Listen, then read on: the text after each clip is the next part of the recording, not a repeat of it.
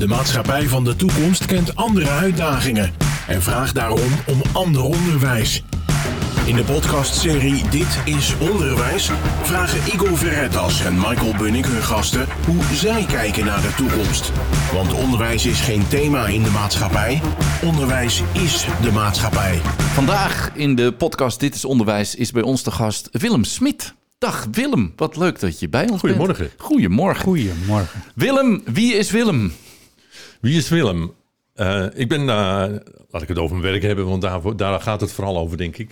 Ik ben uh, programmamanager cultuureducatie voor het, voor het onderwijs in Alkmaar en de regio. En dat houdt eigenlijk in twee projecten, noem ik dan maar. Eén is het, ik ben verantwoordelijk voor het culturele aanbod in de regio. Dus de samenwerking met de grotere instellingen als een museum en de Vest, maar ook met Kool en een aantal, uh, een vijftiental ZZP'ers die dus zelfstandig hun aanbod maken voor het onderwijs. Dat staat allemaal keurig op de website Cultuur Primair. En de scholen maken daar, 90% van de scholen maken daar goed gebruik van. En dat is ieder jaar aanpassen van het project en, uh, en aanbod. Kijk. Dat is één. Ja, En de tweede is de regeling, de Rijksregeling Cultuur en Educatie met kwaliteit. Daar komt die. We zitten in, het, in, het, in, het, eh, in de tweede periode van CMK3, noem ik dat kort af. Potverdorie, wat een leuke afkorting, Ja, Willem. ja, ja. Jeetje, Cultuur mina, en ik schrijf educatie even met kwaliteit. Alsof er daarvoor ligt, geen ja. kwaliteit was. Maar Nee. dat is natuurlijk eh, de uitdrukking. ja. En nu hebben we periode 3, die, staat, eh, die is eigenlijk al begonnen. Dat betekent voor vier jaar is er geld beschikbaar, subsidie beschikbaar voor het primair onderwijs. Ja, wel volgens een aantal criteria natuurlijk die gesteld zijn, maar het Rijk heeft wel een bepaalde ambitie daarmee. Maar er is geld voor cultuur en cultuurontwikkeling. En het mooie is, dat vind ik het mooie, de vraag van de school staat daarbij centraal. Kijk, daar kunnen we het zo uitgebreid over hebben. Ik ben Dat heel benieuwd. Klinkt echt heel interessant. Willem, wat goed. We gaan, eh, Willem, zoals gebruikelijk in de podcast Dit is Onderwijs, graag een aantal stellingen aan je voorleggen. goed. De bedoeling is zo kort mogelijk daarop te reageren. Ja.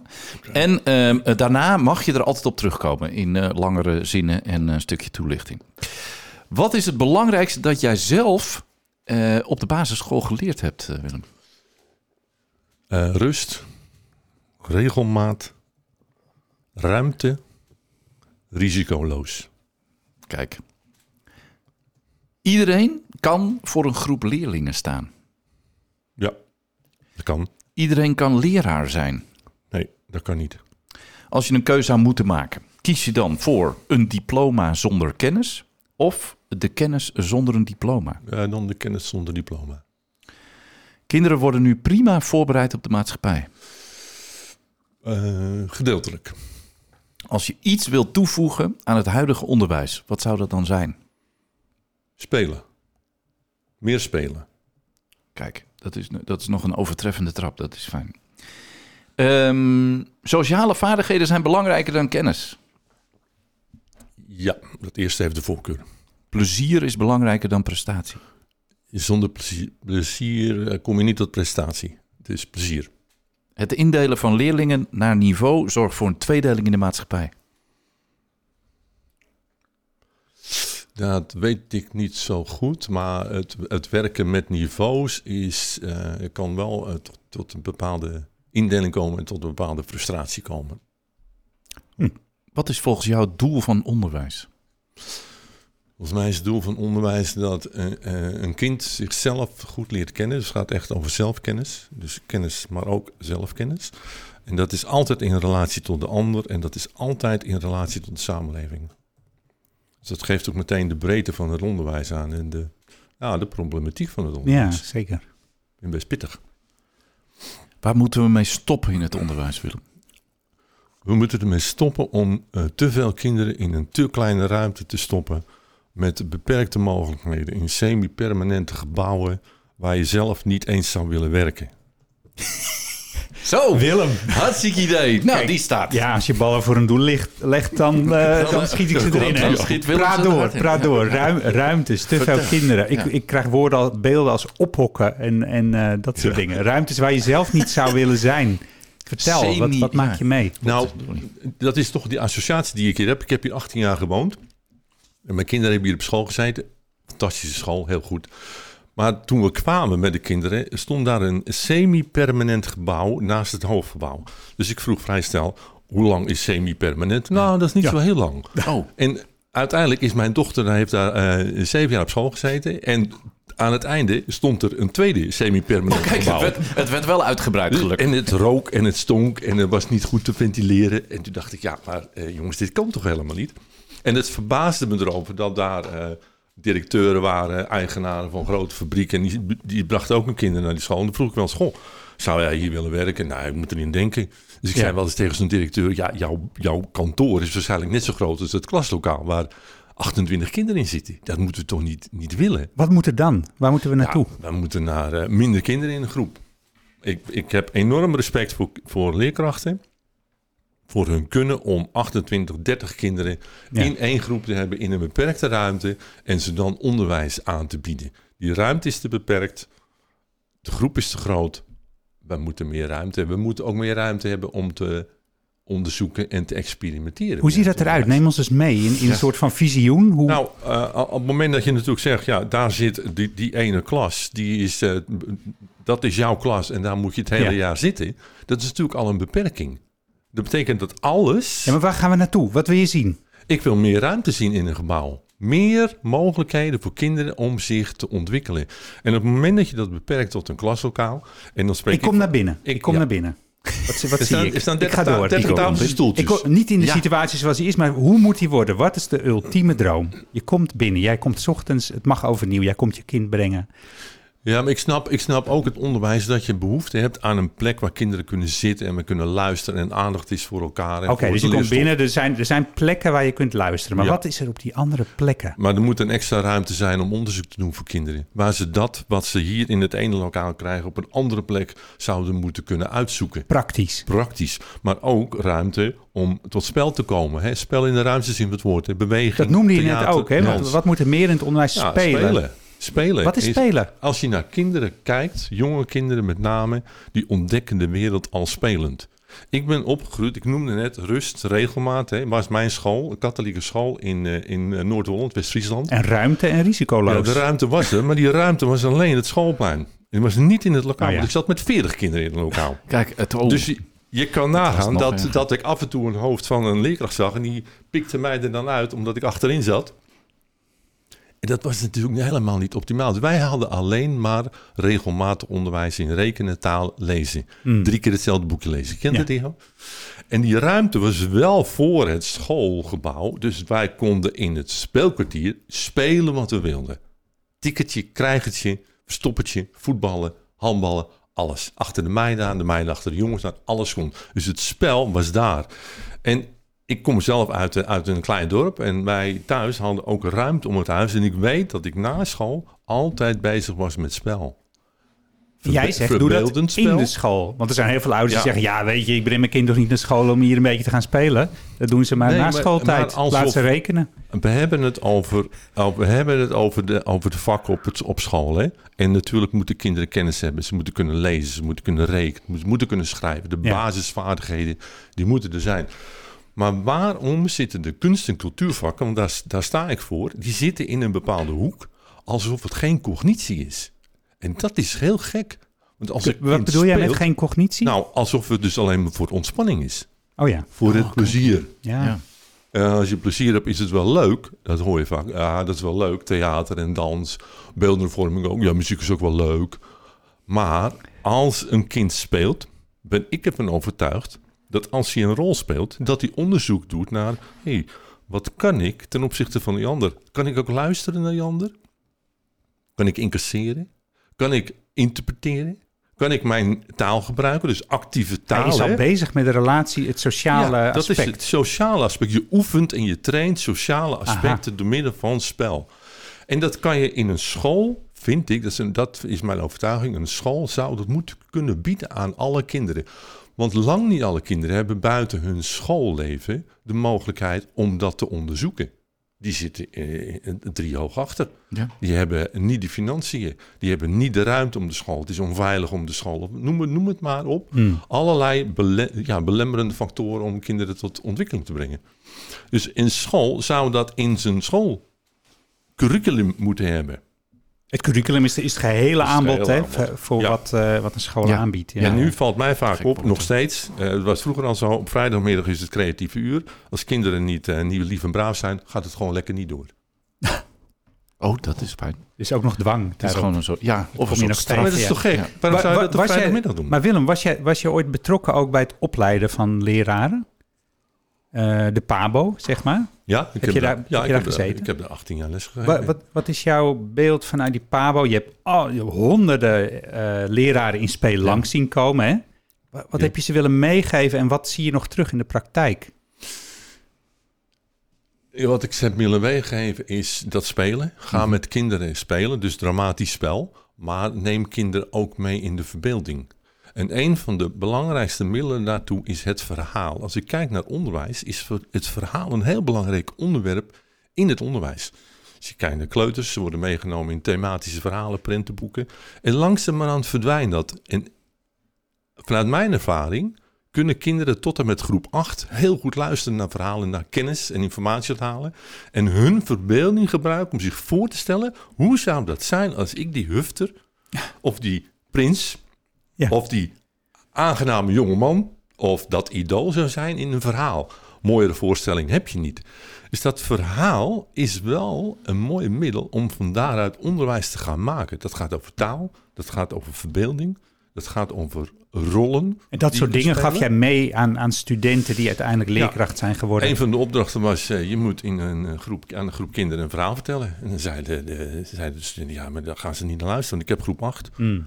Nou, ik zeg, maar we gaan het wel doen. Dus ik, ik, ik gaf ze handvatten mee. Ik gaf ze informatie mee. En hoe je dat kunt doen. Niet dat ze mij moeten nadoen, maar de oefening bood ik ze wel.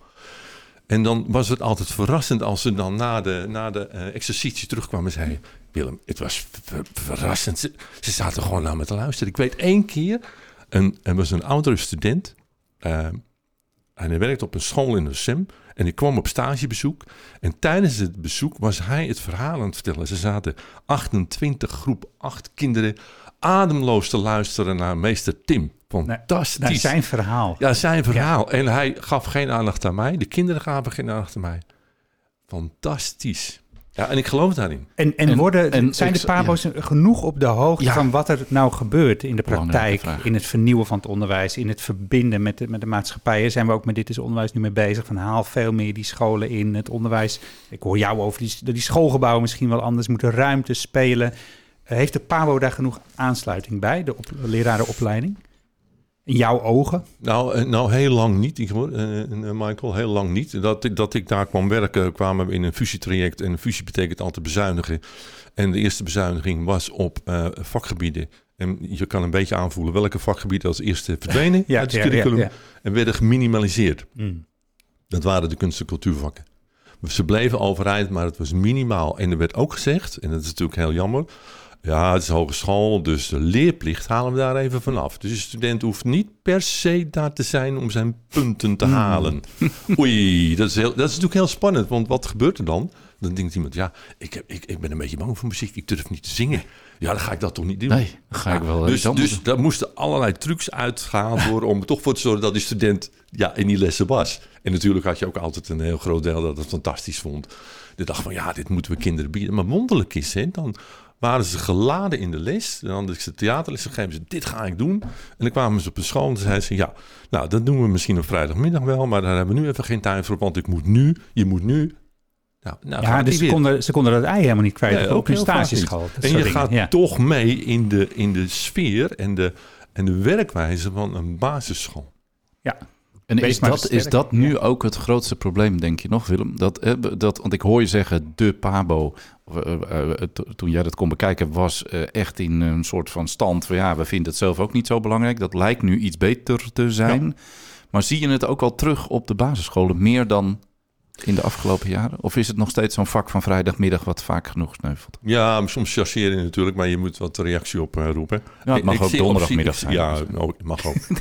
het is een beetje wonderlijk om te denken dat kinderen aan het eind van de dag die concentratie voor die kunstvakken, eh, dat dat er zomaar makkelijk is. Maar Ja. dat is natuurlijk morgens net Mm. zo interessant. Ja. Eh, d- dus, dus waarom zou je dat zo eh, stringent omdraaien? Eh, er zijn natuurlijk scholen die dat fantastisch doen, die cultuuronderwijs echt in hun, in hun vizier hebben, een goede visie op cultuur. En daar een stinkende best voor doen om dat een plek te geven. Maar ik merk wel dat het een spagaat is. Want aan de ene kant wordt gezegd, ja, maar die, die niveaus moeten omhoog. En die kinderen hebben een achterstand en we moeten werken aan rekenen en taal. Nou, kijk nu naar corona. Wat, wat staat er? Kinderen lopen achterstand op. Ja, niet in de kunst- en cultuurvakken, Nee. maar in rekenen en taal. Ja. Of dat zo is, Dat is al een tweede. is dat tweede. ja. Ja. Dat is een Ja. aanname. Ja. Weet je, soms ontwikkelen kinderen ook eh, zich op een andere wijze. Ja, kijk, va- vanuit het, het systeem waar we in zitten, is zijn toetsen en dat soort dingen echt het bindmiddel. Laat je dat los, ten opzichte van waarvan heb je dan een achterstand? Ieder kind Ja. ontwikkelt. En ik hoor heel veel ouders zeggen, zo hebben zich ontwikkeld. Ja, niet die rekenen en taal. Misschien trouwens ook wel meer dan Ja. ooit. Want ze, dan moesten ze maar wachten op anderen of ze snapten het niet of ze konden geen vraag stellen. Dat kon nu allemaal. Maar ze hebben zoveel andere dingen geleerd. Herken jij dat, dat ook? Hoor je dat soort verhalen ook? Ja, dat, dat, dat is natuurlijk, de coronatijd is iets wat ons allemaal overkomt. En we weten eigenlijk hebben we geen antwoord erop, op wat we moeten, maar ook wat we kunnen. En, eh, ik merk nu, ook al, al, al enige tijd, dat er allerlei creatieve oplossingen komen Ja. van hoe kan het dan?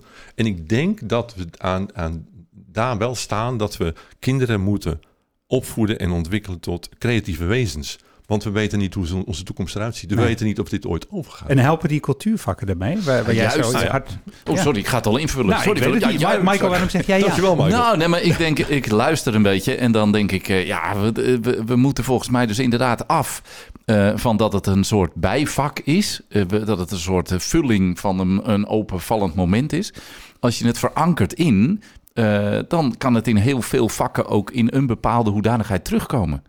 Ja, geloof ik Eh, absoluut in. En, dat, en dan kun je dus ook eh, eh, binnen een theaterachtige vorm rekenen. Of je kan ook in, een, de, in zo'n verhaal wat je net vertelt, kun je het. Dat is taal. Zeg maar. dus, dus hoe mooi zou dat zijn? Maar met als bijvangst, hoorde ik Willem volgens mij zeggen... eh, kind leert zichzelf goed kennen in relatie tot de ander. En daar gebruik je het voor. Ja, klopt dat, dat- klopt ja. dat Willem? Volgens Ja. mij is dat zo. Helemaal.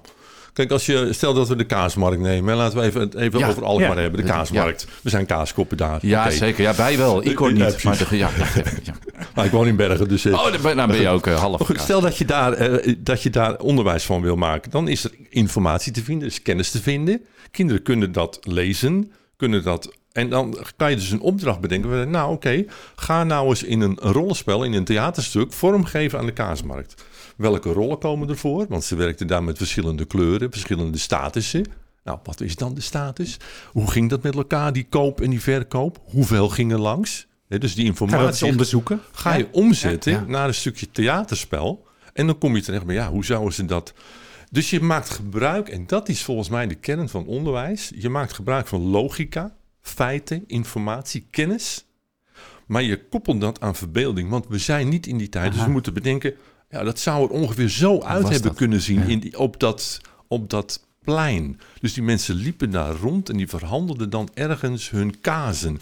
En hoe precies, ja, we hebben wat foto's en filmpjes, maar dat is niet exact. Dus kinderen gebruiken die verbeelding om dat vorm te geven. En dan houd je je aan de kennis, maar je maakt er een ervaring van. En later als je vraagt, weet je nog die scène die je speelde? Ja, dan weten ze het, want het is Absoluut. handelingsgericht onderwijs geworden. Ja. Ervaring. Ja, en we weten allemaal dat we daar het meeste van leren. Ja, fantastisch. En straks kunnen we ook weer naar de kaasmarkt. Ja, de gaat gewoon echt weer. Dat is ook wel weer Maar die, dat, logi dat pendelen tussen logica en verbeelding, dat is voor mij wel onderwijs. Dat doen we constant. En is, is dat ook, zijn dat eigenschappen waar een goede leraar, eh, die een goede leraar moet bezitten? Want je zei, we hadden gevraagd van, hè, iedereen kan leraar zijn. Je zei nee. Wanneer kan je leraar zijn dan? Je kan leraar zijn als je in staat bent om je, om je onderwijs te faciliteren. Want je hoeft niet alles te kunnen en te kennen. Maar je moet wel weten, wie zijn mijn kinderen? Hoe, hoe zorg ik voor vertrouwen? En hoe zorg ik ervoor dat ze een volgende stap kunnen maken? Dus hoe breng ik ze verder in hun ontwikkeling? En hoe zorg ik ervoor, ik noemde net risico, mijn, mijn, mijn opleiding, basisschool, was risicoloos. Ja, ja dat Maar het is interessant om juist kinderen iets meer risico te laten lopen. We, zijn, we voeden kinderen op met eh, veiligheid in het verkeer. Dat is goed. En, en risico waarin? Nou, risico van eh, iets wat je misschien niet helemaal durft. Maar wat heb je nodig om het wel te gaan durven? Hmm. Want wat onthoud je het meest later in je leven? De momenten dat je uit je comfortzone een risico hebt genomen en het is gelukt. Je hebt een prestatie gedaan. we hebben wel eerder al, Igor, in een van onze andere podcasten met eh, Elske Doets was dat, die had het over de opleiden in lef durven tonen. Ja. Dat hoor ik je ook een beetje zeggen. Ja. Ik, ik, ben, eh, ik was een super verlegen jongetje op de basisschool. Ik ben nooit uitgedaagd. Door één, met uitzondering van één eh, meester. Die daagde mij uit. Die gaf mij vertrouwen. En dat weet je nog. Dat weet ik nog. Ja. Daarna heel lang niet meer. En op een of andere manier dacht ik, ik wil iets met theater. Dat wat het verst van me afstond, dat wilde ik snappen. Dus ik ging erover lezen en ik ging erover praten. Maar ik dacht, ja, ik moet het nu gaan doen. Dus die stap heb ik ooit genomen om theater te gaan spelen. Toen dacht ik, nou, dan wil ik er ook een les geven aan kinderen. En dan Oh. wil ik ook kunnen regisseren. Ja. Nou, en dat, dat zijn voor mij momenten geweest van risico. Want ja, ik kon ook onderuit gaan. Maar ja, hoe erg is het, hè? Daag kinderen uit in het? het nemen Ja, van risico. En kun je, kun je nog even terug naar die leerkracht? Die, wa- wat, ah, ik hoorde je even kort, hij gaf jou vertrouwen. Wat deed hij nog meer? Waardoor je in één keer dacht, hé, hey, nu gebeurt er iets anders dan op die andere over welke leerkracht heb je het nu? Die eh, leerkracht die, eh, die, jou, die, die jou echt die ruimte heeft gegeven. Ja, het is, eh, het is eh, eh, aandacht Mhm. die hij gaf. Niet alleen aan mij hoor, want die Nee. was in staat om kinderen aandacht te geven. En hij wist wie wie was. En hij wist met wie hij een grappen kon maken. En hij wist wie die, welk woord iemand nodig had om verder te komen. Mhm. En hij, dat herinner ik me specifiek, hij nam ons mee in zijn beleving, zijn wereldbeeld. Dus hij vertelde verhalen. En we zaten ademloos te luisteren. Ja. En ik kon me voorstellen hoe het was om die meester te zijn in het Hm. risico wat hij in zijn leven had ge- genomen als jongeman. Dat Als rolmodel. Ja, als rolmodel. Ik Ja. vond dat fantastisch. En je kon me heel goed voorstellen, empathisch vermogen hebben wij als mens, in zijn voetsporen dacht ik, zo, dat is mooi zeggen, dat is machtig. Dus ik weet nog hoe die man eruit ziet, wat hij zei, welke schoenen hij aan had. Dus zo'n beeld van zo'n man, zo krachtig, is voor mij fantastisch geweest. En ik weet ook, als leerkracht red je dat niet met alle 30 kinderen in je klas. Daarom is het goed dat ze af en toe naar een ander gaan. Maar je moet daar wel naar zoeken. Van hoe krijg ik die kinderen in hun kracht? Hoe kan ik ze ontwikkelen? Het, is dus, het ligt echt bij de persoon. Het ligt ook bij de inrichting en de ruimte die je geeft in de schoollokalen. Semi-permanente gebouwen moeten überhaupt tegen de vlakte. Ja, weg. Weg ermee. En eh, eh, wat ook mooi is, is het, ehm, het vak, en het is een heel breed vak, maar het vak van verbeelding zou eigenlijk heel hoog op de agenda moeten komen. Ja, verbeelding is, is een, enorme kracht in, in, in de hoofden van, van kinderen ook. Als je kinderen ruimte geeft, dan gaan ze zich verbeelden. Maar onze, onze, ons onderwijs is natuurlijk een beetje ingericht als een kenniseconomie. Het gaat om kennis en het gaat om winst. Zeker, structuren. En, Ja, ja. structuur. En dat is En natuurlijk... opbrengsten. Ja, en, opbrengst. Eh, Martha Nussbaum zegt dat heel mooi, Amerikaanse filosofen. Die zegt, oké, het is belangrijk. We moeten ook een brood hebben. Maar die cultuurwetenschappen die gaan over verbeelding, over filosofie, over zingeving. En dat is minstens zo belangrijk in het onderwijs. Nu hoor ik heel veel scholen daar stappen in maken hoor. Ik staat vaak ook in visies van scholen. We willen kinderen vertrouwen geven, de zin van het leven duidelijk maken in je onderwijs. Nou, en het onderwijs kan die kansen bieden aan de kinderen. En hoe laat je dat zien praktisch? Daar, daar, daar gaat mooi. het over, hè? En wat, ga, Ja. wat, wat, wil je, wat zou jij er nog heel graag aan willen bijdragen, Willem? Hè? Want eh, je, je verhaal is heel eh, enthousiasmerend en inspirerend. Eh, wat zou jij nog graag willen bijdragen aan die verandering die echt nodig is in het onderwijs? Nou, het is, het is nu natuurlijk een hot item dat, eh, dat lang niet alle kinderen daar gebruik van maken van die kansen die er zijn voor onderwijs. En wij hebben nu ons projectplan Kansen voor Cultuur genoemd. Mm. Omdat we ervan overtuigd zijn dat die kinderen recht hebben op ook cultuur in het onderwijs. En het onderwijs is een middel om ze dat te bieden. En ik zou het fantastisch vinden als scholen ons eh, overvragen met, eh, met, met hun vragen als het gaat om cultuur. Zodat we het eigenlijk niet aan kunnen. En dan kunnen we dat ergens roepen en zeggen: jongens, help, eh, we, we moeten meer doen. Wij kunnen scholen namelijk wel in contact brengen met allerlei vakdocenten om die cultuur een betere plek te geven in het onderwijs. Dus aansluiten bij de competenties van de leerkracht of bij de wens of de behoefte die er is. Ja, een leerkracht hoeft het ook niet alleen. Nee, hè? Die soort spin in het web en die kan iedereen binnentrekken. En of het ouders zijn of jouw, al jouw relaties uit de de culturele sector. Dat klinkt prachtig. Ja, dat eigenlijk moet de leerkracht de regisseur zijn. Hè? Ja, Eigenlijk ze- wel, ja. Dat is ook een, maar dat is ook wel een soort eh, nou ja, verandering. Ja, en, en er is ook absoluut. lef voor nodig. Ja. Dat is lef voor nodig. Willem, eh, ehm, eh, in de podcast Dit is Onderwijs sluiten we eigenlijk altijd een beetje af. Want het einde komt al een beetje in zicht. We, Ja, we nog veel langer eh, eh, eh, met elkaar kunnen kletsen. En aan het einde zijn er eigenlijk wel het, meestal twee vragen die nog een beetje overblijven. Eén is, en die link heb ik al een beetje kunnen leggen, ook op je laatste zinspeling, is... we zijn altijd op zoek naar die nieuwsgierige vraag van het kind. En eigenlijk zou het wel heel mooi zijn als niet alleen die leerkracht nog meer geïnteresseerd raakt in datgene wat jij en jullie vanuit Cultuur Primair zouden kunnen bieden, maar dat die kinderen ook met die nieuwsgierige vraag komen en zeggen wij zouden heel graag dat willen onderzoeken. En dat daar een soort verbinding komt. En dat is wel waar dit is onderwijs voor staat. Ja. Dus dat kan heel mooi bijdragen. Ja. Ehm, een vraag die in ieder geval voor jou overblijft, is dat we altijd aan de gast eh, die bij ons eh, aanwezig is vragen: eh, wie zouden we nou namens jou eh, de volgende keer kunnen uitnodigen? Is er iemand in jouw netwerk waarvan je zegt: oh, dat is een bevlogen man, vrouw, wie dan ook, waarvan je zegt: die zou je hier echt nog aan de microfoon moeten uitnodigen? Ja, volgens mij is die, eh, die naam al eerder genoemd in een andere podcast van Wim. eh, Charlotte, Charlotte de Lanné de Betrancourt. Kijk, Kijk, is een Ja, van, eh, ja. van Klavis willen van de weten. uitgeverij. Ja. Ja. Want, want daar komt het samen. Hè? Onderzoekend leren, het verhaal, eh, gebruik maken van taal en alle mogelijkheden. Onderzoek naar personages in die verhalen. Die allemaal voor grote problemen staan. En dan eh, op een creatieve wijze proberen onderzoek te doen. Ja, Charlotte is... hier, eh, kunnen, hier kunnen we niet omheen. Dat Hier is, kunnen, eh, we kunnen. Ja, ik niet om dat je haar goed, heen. Nee, we kunnen niet om haar heen en we gaan haar uitnodigen. hartstikke goed. Eh, Willem, dank je wel voor deze tip, maar vooral dank je wel voor dit hele fijne gesprek. Ehm, eh, fijn dat je er was. Vond ik ook. Dankjewel. Dit was Dit is Onderwijs. Een podcast waarin we proberen een verbinding te maken tussen het onderwijs en de wereld van morgen. En die van de dag daarna. Dit is Onderwijs is een samenwerking tussen SAX en Streekstad Centraal.